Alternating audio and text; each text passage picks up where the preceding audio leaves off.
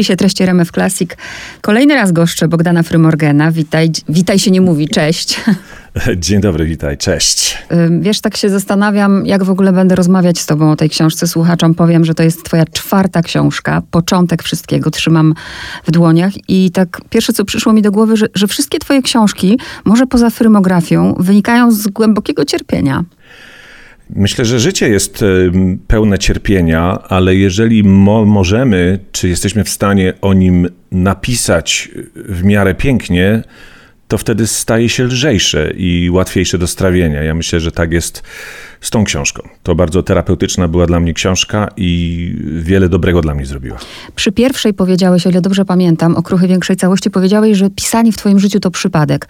W przypadku początku wszystkiego to nie jest przypadek. To nie jest przypadek, dlatego że tutaj mamy konkret, który zmusił mnie do prowadzenia pewnej emocjonalnej kroniki. Zacząłem pisać tę książkę praktycznie w dniu śmierci mojej matki, a skończyłem trzy tygodnie później, e, dzień po jej pogrzebie.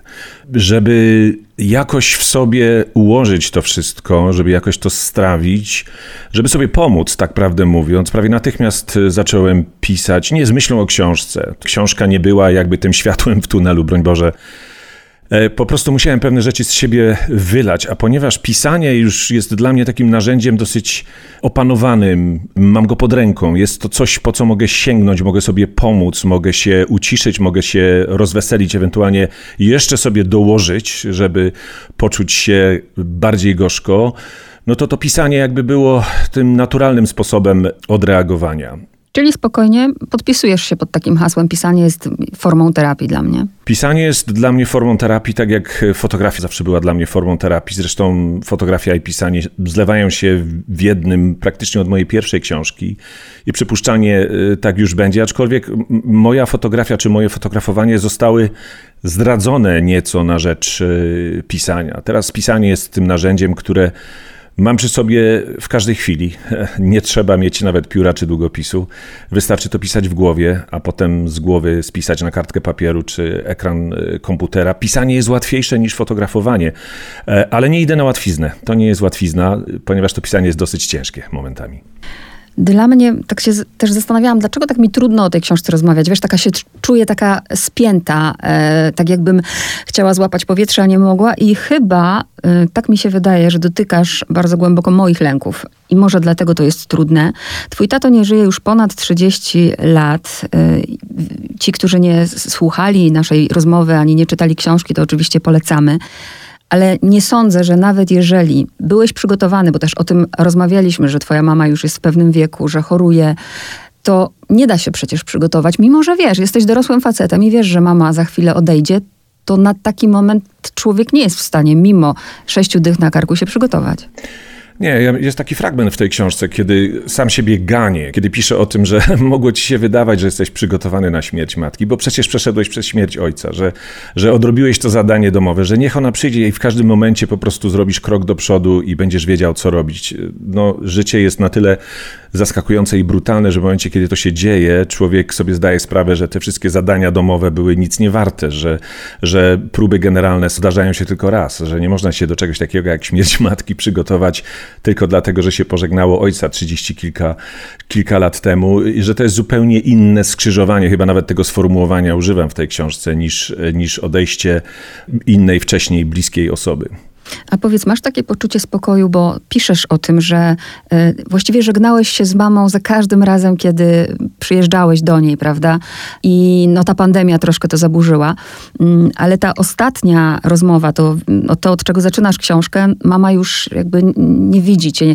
Czy ty masz jakieś uczucie takie, takiego żalu, że nie zdążyłeś się z nią, wiesz, pożegnać tak Wiesz co, nie, dlatego i myślę, że to w tym tekście jakoś wybrzmiewa. Y, ja byłem bardzo zaskoczony, piszę o tym jak bardzo technologia współczesna mi pomogła. Ja pożegnałem się z moją matką na ekranie niewielkiej komórki, Samsunga zresztą, od czego się zaczyna ta książka. Nawet wymieniam tę markę, nikt mi za to nie zapłacił, broń Boże.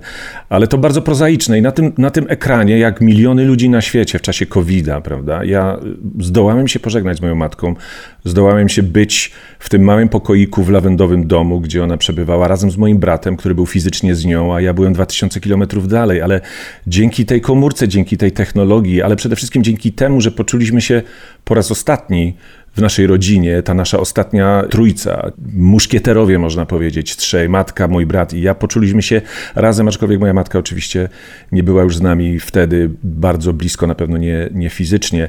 E, wiesz co, nie mam takiego żalu, jestem wdzięczny za to, że mogłem być w tym pokoju na odległość. Dzięki przepływowi i strumieniu tych danych zero-jedynkowych, dzięki temu, że ktoś kiedyś wymyślił coś takiego jak, jak Skype czy Messenger, na którym teraz e, ze sobą rozmawiamy, tylko wdzięczność, żaden żal. Jest tam taki fragment, kiedy mówisz, że twój brat, cztery lata starszy, zawsze, zawsze był, był blisko, a ciebie do tego świata ciągnęło już bardzo, bardzo wcześnie. Gdzieś się tej mamie wymykałeś. Czy, czy pojawiło się, wiesz, takie uczucie żalu, że, że właśnie taką drogę wybrałeś, że nie byłeś na, na każde zawołanie jak brat? No bije się w piersi w pewnym momencie, w którymś e, w którymś rozdziale pisze o tym, że ja wcześniej od niego odgryzłem pępowinę, bo mnie faktycznie, tak jak mówisz, do tego świata ciągnęło. No i ja zniknąłem z domu w wieku 19 lat. Mój brat o 4,5 roku starszy, o czym wspominam w okruchach większej całości, czyli w pierwszej mojej książce, no był zawsze bliżej matki. On uczestniczył w tych naszych rodzinnych radościach i dramatach fizycznie, bezpośrednio, o wiele bardziej niż ja. I ta książka jest pewnym uderzeniem się w piersi, bo potem można tylko starać się nadrabiać ten stracony czas te spotkania, których nie było. Można się spotykać fizycznie jak najczęściej, można rozmawiać przez telefon, ale zawsze pozostaje coś takiego, o czym wspominam, że mogło być tego więcej, że można było się postarać przylecieć te kilka razy więcej, zobaczyć je z matką częściej, podnieść telefon. To pozostanie ze mną na zawsze, ale y, opisanie tego, uderzenie się w piersi, przyznanie się do pewnych rzeczy też w pewnym sensie uspokaja pewne demony we mnie, które no, musiałem y, uspokoić. Zaznaczam, że matka zmarła no, już prawie dwa lata temu, także, także ten czas mija. Natomiast w książce zachowałem tą esencję przeżywania tego, co się dzieje przez trzy tygodnie. No, jest to taki strumień świadomości, który biegnie do tego momentu, gdzie w książce pojawia się zdjęcie mojej matki ze mną stojących na, na schodach. Ja mam chyba ze 3-4 lata i ona siedzi i, obejmuje mnie. I tutaj ta książka zmienia zupełnie inny bieg, włącza, bo zaczyna się, zaczyna się dziać coś zupełnie ekstrawertycznego. Ta pierwsza część jest bardziej introwertyczna, druga część to jest moja podróż do Polski już na sam pogrzeb. Mm -hmm. Podejmujesz w ogóle wiele tematów, może, może o kilka zahaczymy, ale ja jeszcze chcę, najpierw chcę się zatrzymać przy mamie, bo powiedziałeś, że nigdy, że twoja mama była twarda, twoja mama była silna, że nigdy nie, nie, nie miałeś w głowie jej obrazu, wiesz, gdzieś siedzącej w kuchni ze spuszczoną głową. Jak, jaka, jaka została ci? Jaki ci ten obraz został i jaki obraz twojej matki jest w tej książce? Wielkiej Niedźwiedzicy. I w, w, tym sensie wspaniałego człowieka, który potrafi walczyć o młode i potrafi je chronić i buduje to gniazdo w głębokiej puszczy, czyli opiekuje się naszą rodziną w momencie, kiedy nawiedza ją choroba psychiczna naszego ojca, cykliczna, bo co, co roku się pojawiała, afektywna, dwubiegunowa. Więc jest ta wielka niedźwiedzica i ta metaforyczna gdzieś tam wielka niedźwiedzica, czyli w gwiazdozbiorze, nad głową, w niebie, czyli to, gdzie ta matka już e, pozostanie ze mną prawda, na zawsze. Bo muszę ci powiedzieć, że tak, ta pierwsza książka o ojcu, ta druga o odchodzącej matce, to jest książka, która się wcale z nią nie żegna, bo to jest książka, która po prostu przeistacza moje poczucie bycia synem i poczucia posiadania matki w coś zupełnie innego. To jest przeistoczenie, wejście jakby, nie mówię na, na wyższy poziom, ale na bardzo taki subtelny, głęboko emocjonalny posiadania rodzica, którego się już nie ma, ale ten rodzic zawsze już z tobą zostaje. Ja chyba wspominałem w tej książce, teraz na jednym moim ramieniu siedzi mój zmarły ojciec, a na drugim moja zmarła matka. I to jest właśnie ta równowaga, którą prędzej czy później każdy człowiek na tej ziemi osiąga osiąga. Mnie zaskoczyło to porównanie, wiesz dlaczego? Dlatego, że ja, e, ja z kolei mm, widzę to czasem jako balast, wiesz, że, moj, że mam właśnie tatę na, na jednym ramieniu, mamę na drugim, albo w głowie, że jakby nie umiem podejmować samodzielnie decyzji, bo ciągle słyszę w głowie albo tatę, albo mamę. A u ciebie właśnie to porównanie znalazł zupełnie inny wydźwięk mi dałeś, tego właśnie wzmocnienia. Wiesz, no pozwalam sobie nawet w, w książce odwiedzić tą przestrzeń, gdzie matka z ojcem już teraz są. Bo jeśli wierzyli w tą księgę pod tytułem Biblia, no to są gdzieś tam e, w niebiosach, spotykają się, rozmawiają, trzymają się za ręce, chodzą na spacer, nie rzucają cienia, jak napisałem chyba w książce, nie cierpią już z żadnego powodu, są, są zdrowi, bo opuścili jeden wymiar i znaleźli się w drugim. Wiesz co, muszę ci powiedzieć, że po napisaniu tych dwóch książek, bo te książki są, jedna wynika z drugiej, aczkolwiek one są napisane w inny sposób, Ja nie pożegnałem się z ani, ani jednym z nich, ani z ojcem, ani z matką. Ja ich po prostu włożyłem do zupełnie innej szuflady, żeby oni mogli ze mną dalej gdzieś tam jechać. Nie wiem jeszcze jak długo jeszcze na tym ziemskim padole pojadę, bo wspomniałaś przecież ten szósty krzyżyk. Muszę ci powiedzieć, że to jest bardzo fajne uczucie, uczucie y, tego, że oni są wciąż ze mną. Nie tylko na, na stronach książek, ale to była taka trampolina, która pozwoliła się im odbić i gdzieś usiąść głęboko w mojej głowie i jechać dalej. To, co mnie też e, ujęło i dziękuję ci za to, bo mógłbyś przecież chcieć stworzyć teraz tylko wyidealizowany obraz swojej matki, ale też nie pominasz, nie pomijasz gorzkich momentów. Mówisz, prawda, że twoje dzieciństwo nie było mitem. Mówisz te słowa, które mama wypowiada o tym, kiedy idziesz na anglistykę. Chociaż e, od razu zaznaczasz, prawda, e, ja się też z czasem jakby zaczęłam uczyć tego, że rodzice, żeby nam coś dać, sami musieli wcześniej to dostać. Jeśli nie dostali, nie mieli nam czego dać ale nie pomijasz również tych spraw, które cię bolały. Oczywiście, ale one mnie bolały jako dziecko, natomiast jako dorosły facet, ja moją matkę i mojego ojca rozgrzeszyłem z absolutnie wszystkiego. To był ten węzeł gordyjski życia, z którym oni się musieli borykać na co dzień. Ojciec ze swoją chorobą, a matka ze sklejaniem naszej rodziny i z dbaniem o ojca i o nas.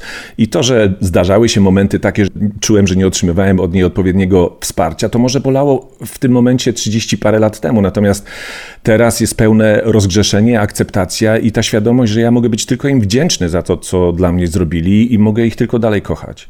A taki kontrowersyjny moment może być, wcale nie musi. Pięknie brzmi y, ten lawendowy dom i to, że z bratem właśnie mm, stworzyliście mamie to miejsce y, bezpieczne, tak jak podkreślasz, na najwyższym europejskim poziomie, ale też przecież pochodzisz z tego pokolenia, gdzie y, dziadkowie mieszkali, prawda, z, no, w domach i umierali w domach. I nie spotkałeś się na przykład z zarzutem, bo mama też wam to wyrzucała, że mnie, prawda, zamknęliście gdzieś. Nie oczekiwała od ciebie, żeby się na przykład zabrał do siebie? Moja matka była y, osobą absolutnie nieroszczeniową. Nigdy nie usłyszałem w jej ustach tego, że powinienem ją zabrać do siebie do Londynu i opiekować się nią do końca życia. Ale oczywiście umieszczenie kogoś w domu opieki E, mimo iż był to dom na absolutnie światowym poziomie, prowadzony przez parę cudownych absolutnie ludzi, gdzie zapewniano pensjonariuszom wszystko, łącznie z zajęciami muzyki, z gimnastyką, z ćwiczeniami, oczywiście z opieką lekarską i, i pielęgniarską, to nigdy dla matki nie było zastępstwem tego jej małego mieszkanka na piętrze, gdzie wyglądała przez okno na tą górkę, gdzie myśmy z bratem jeździli na sankach, gdzie ze zgrzytem się zatrzymywał przed domem autobus na przystanku, a z jeszcze większym grzytem się otwierała bramka w płocie, którą mój dziadek zawsze zapominał naoliwić. Zestawienie tego z tym sterylnym, funkcjonującym wspaniale domem opieki było jedynym wyjściem i musieliśmy się z dużym bólem na to zdecydować, ponieważ ja mieszkam w Londynie, a mój brat mieszka w Polsce i żaden z nas nie był w stanie opiekować się matką 24 godziny na dobę. Dlatego to było to srebro, to nie było to złoto, to było to srebro, ale za to srebro też cierpieliśmy. Używam tego słowa z, z dużym nadużyciem, dlatego że my zasłużyliśmy na to cierpienie. To, że matka nam wymawiała czy wypominała to, nie zdarzało się to często, a im, im więcej czasu spędzała w tym lawendowym domu, tym bardziej była pogodzona z tym środowiskiem i czuła się, że jest też częścią tego środowiska. Ona była absolutnie noszona na rękach i uwielbiana, zresztą nazywano ją angielską królową, o czym wspominam, nie dlatego, że miała syna w Londynie, tylko dlatego, że moja matka była po prostu zadziwiająco podobna do Elżbiety II. Kiedy y, pamiętam, rozmawialiśmy właśnie przy pierwszej książce, ja zadałam ci pytanie, czy mama już przeczytała Okruchy Większej Całości. I pamiętam, że wtedy powiedziałeś, że dopiero co do niej wysłałeś, jeszcze nie wiesz, czy przeczytała. Mama twoja powiedziała tobie, jestem zdziwiona, że tak wiele pamiętasz, ale powiedziała ci tak naprawdę, co myśli o tamtej książce, czy jest potrzebna, bo jednak nie chciała innym pokazywać.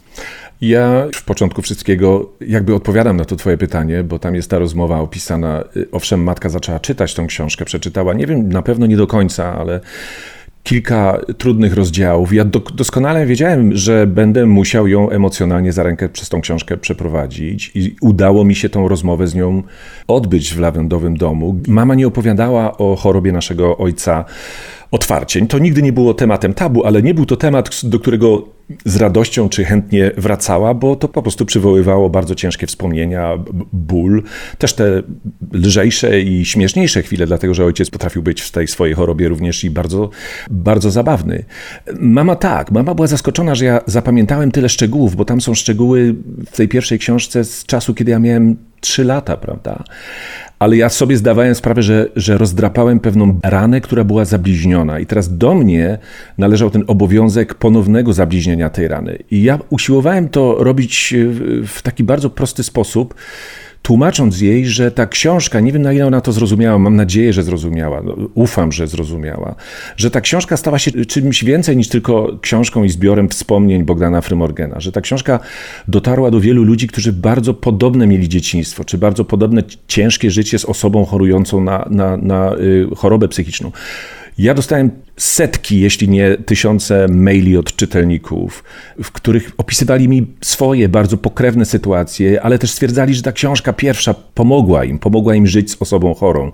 Była jakby takim dowodem na to, że mimo, że taka diagnoza zapadła, że ktoś choruje na chorobę afektywną dwubiegunową, że mimo to można z tym kimś dzielić życie. No tak jak ja napisałem w tej pierwszej książce, ja jestem owocem związku między kobietą a mężczyzną, gdzie była już pełna świadomość tego, że ojciec choruje psychicznie. Oni mimo wszystko się zdecydowali na to, żeby mnie mieć. Gdyby ta decyzja nie zapadła, Małgosiu, nie rozmawialibyśmy teraz na temat tej mojej ostatniej książki. Także odbyłem tą rozmowę z mamą i bardzo się z tego cieszę, dlatego że ja nie szukałem żadnego rozgrzeszenia w tej rozmowie, ale chciałem, żeby ona zrozumiała jeszcze przed odejściem, przed śmiercią, że stała się czymś więcej niż tylko Marią Frymorgan, że dla wielu, wielu ludzi stała się bardzo ważną osobą dzięki temu, że odważyłem się opisać naszą historię. Mm -hmm. I tak samo jak ktoś może, nie wiem, pomyśleć, każdemu umiera matka. Niedawno rozmawiałam z Mateuszem Pakułą, który napisał wspaniałą książkę o umieraniu swojego ojca.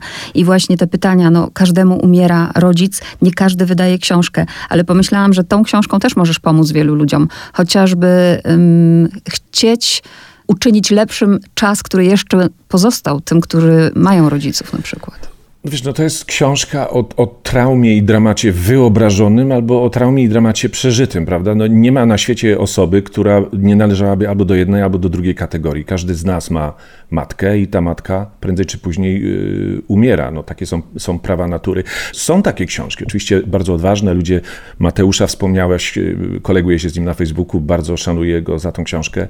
Jest parę innych yy, książek do, dotyczących podobnego tematu ale nie zdecydowałbym się na to, żeby wydać tę swoją, gdybym nie był przekonany, że, że może ona jest inna od tamtych książek, że może, że może faktycznie ktoś znajdzie coś jeszcze, jeszcze w niej. To jest bardzo odważna decyzja oczywiście i tylko czytelnik może, może tą decyzję osądzić, czy ona była e, właściwa, czy nie. Ta książka, wiesz, przed naszą rozmową ja jeszcze raz prześwietliłem ją sobie w głowie i w tej książce jest bardzo dużo przeróżnych elementów, bo tam jest przecież bardzo dużo muzyki, ja bardzo piszę o Bachu. Tam są sny, tam jest muzyka, tam są wspomnienia oczywiście, tam jest akcja, która się dzieje na bieżąco, prawda? No i, i, i ta historia już po tym zdjęciu, gdzie włączamy ten inny bieg, o którym wspomniałem wcześniej. Właśnie chciałam powiedzieć, że przejdę teraz do innych rzeczy, które są w tej książce i do tytułu, do tego, że świadomie mm, dałeś tytuł, który z jednej strony może wydawać się bardzo oczywisty, początek wszystkiego, który koniec, który staje się początkiem, ale też nawiązujesz do, co mnie nieco zdziwiło, bo to też pokazuje, w jakim punkcie życia jesteś, bardzo mocno do początków naszej cywilizacji, naszej kultury y, grecko-rzymskiej.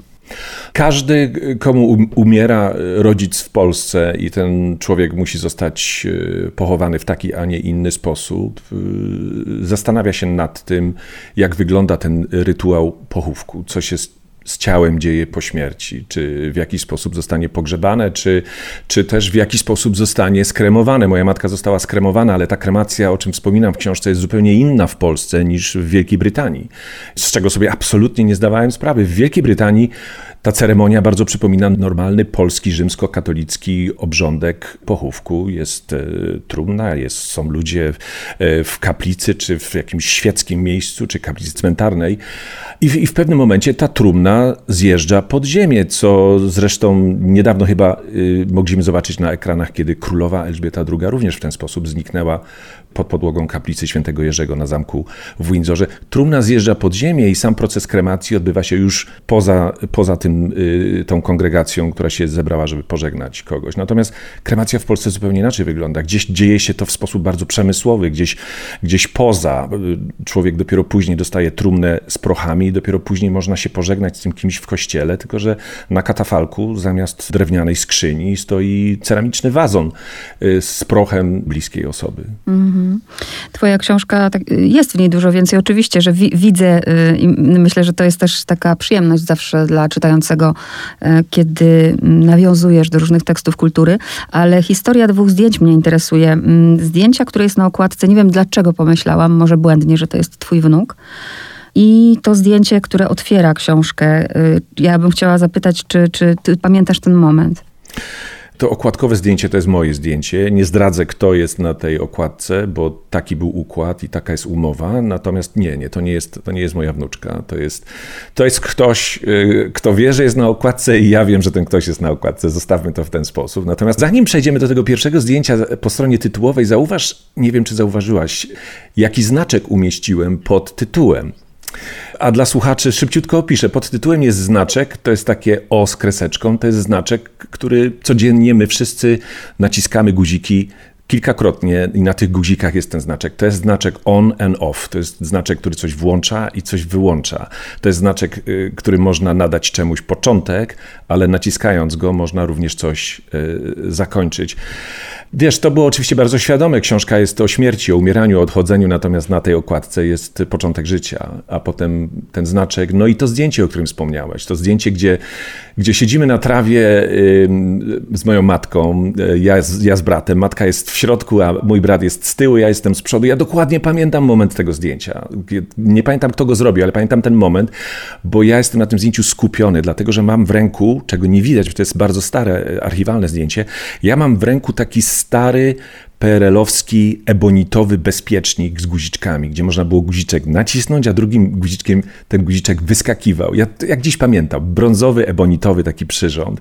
ja zupełnie nie zwracałem uwagi na to, co się dzieje wokół mnie. Cieszę się, że ktoś nam zrobił zdjęcie, bo to jest zdjęcie, które które symbolizuje bardzo wiele. No, pokazuje tą bliskość i ciepło naszej matki i ten fakt, że ta matka jest w środku, a my niejako okładamy ją swoim ciałem i swoim ciepłem, mój brat z tyłu, ja z przodu.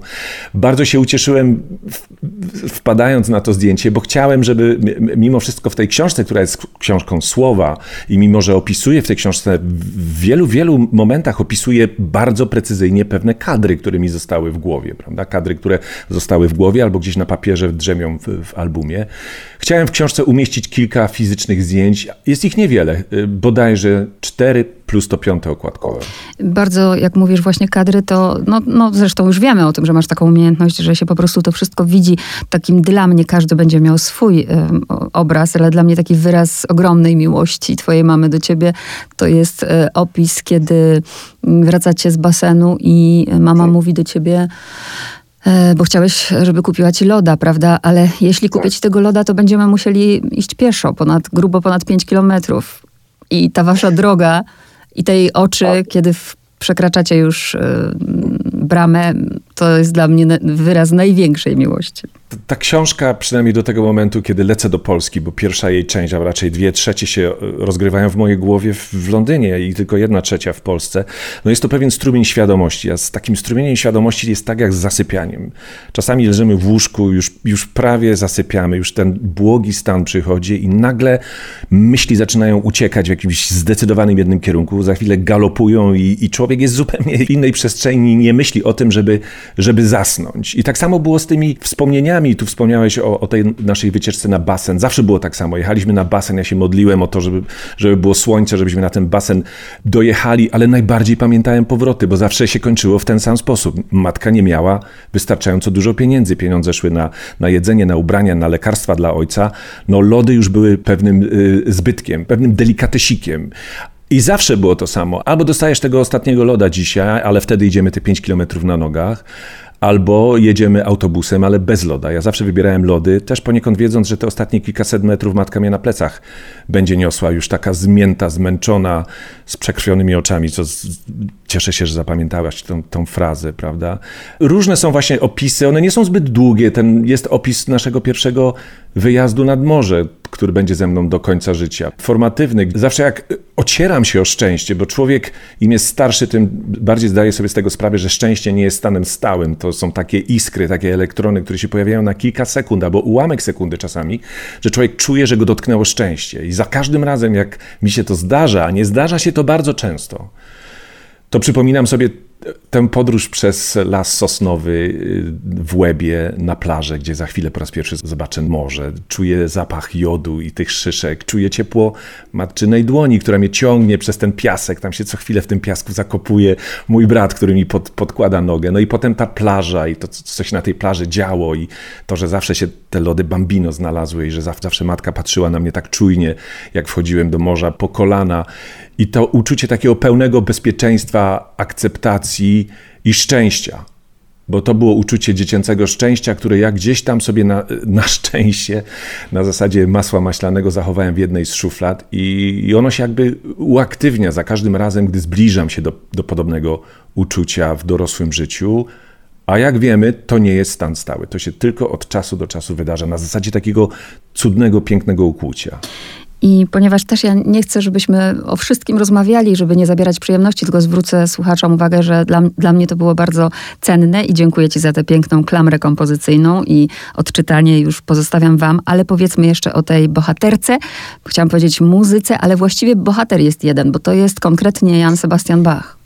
On jest dla mnie prawdziwym Bogiem, bo to jest człowiek, który pokonuje tą magiczną przestrzeń 400 lat i kilkuset kilometrów i zawsze śpieszy mi z pomocą w takich trudnych chwilach. I on w tej książce w naturalny sposób, na zasadzie takiego leitmotywu, pojawia się w różnych momentach, często zaskakująco. Ja piszę o konkretnych utworach, kiedy chcę czuć się naprawdę bardzo, bardzo odczuwać tą śmierć matki w taki głęboko gorzki, smutny sposób. No więc są wariacje goldbergowskie, które mogą być skoczne, ale jest ta czarna perła, 25. wariacja, która jest najsmutniejszą na świecie muzyką, jaka kiedykolwiek chyba powstała.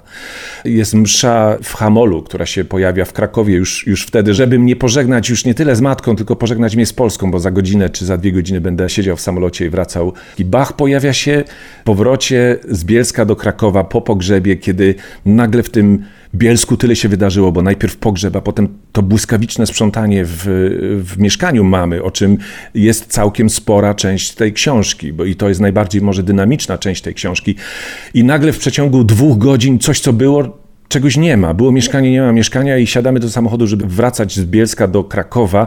Ja czuję, że ja muszę zwolnić.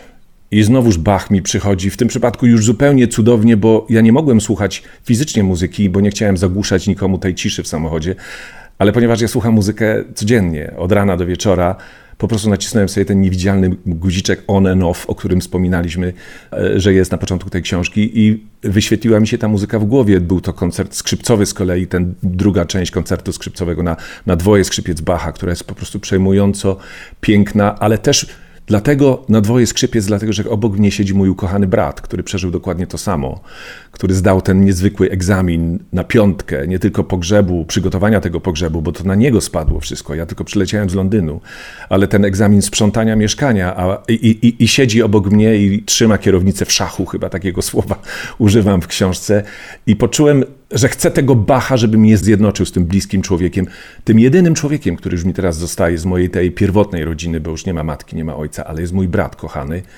No i jak te dwa instrumenty, jak wiesz, dwie pary skrzypiec w koncercie smyczkowym Johanna Sebastiana Bacha, w kompletnej ciszy, bo to się wszystko rozgrywa w mojej głowie, wróciliśmy z Bielska do Krakowa. Mi zapadł w pamięć mm, ten moment, kiedy piszesz o kompozycji Chacon, kiedy ukrył w tym utworze 64 odcienie rozpaczy, ale serce może pęknąć tylko raz.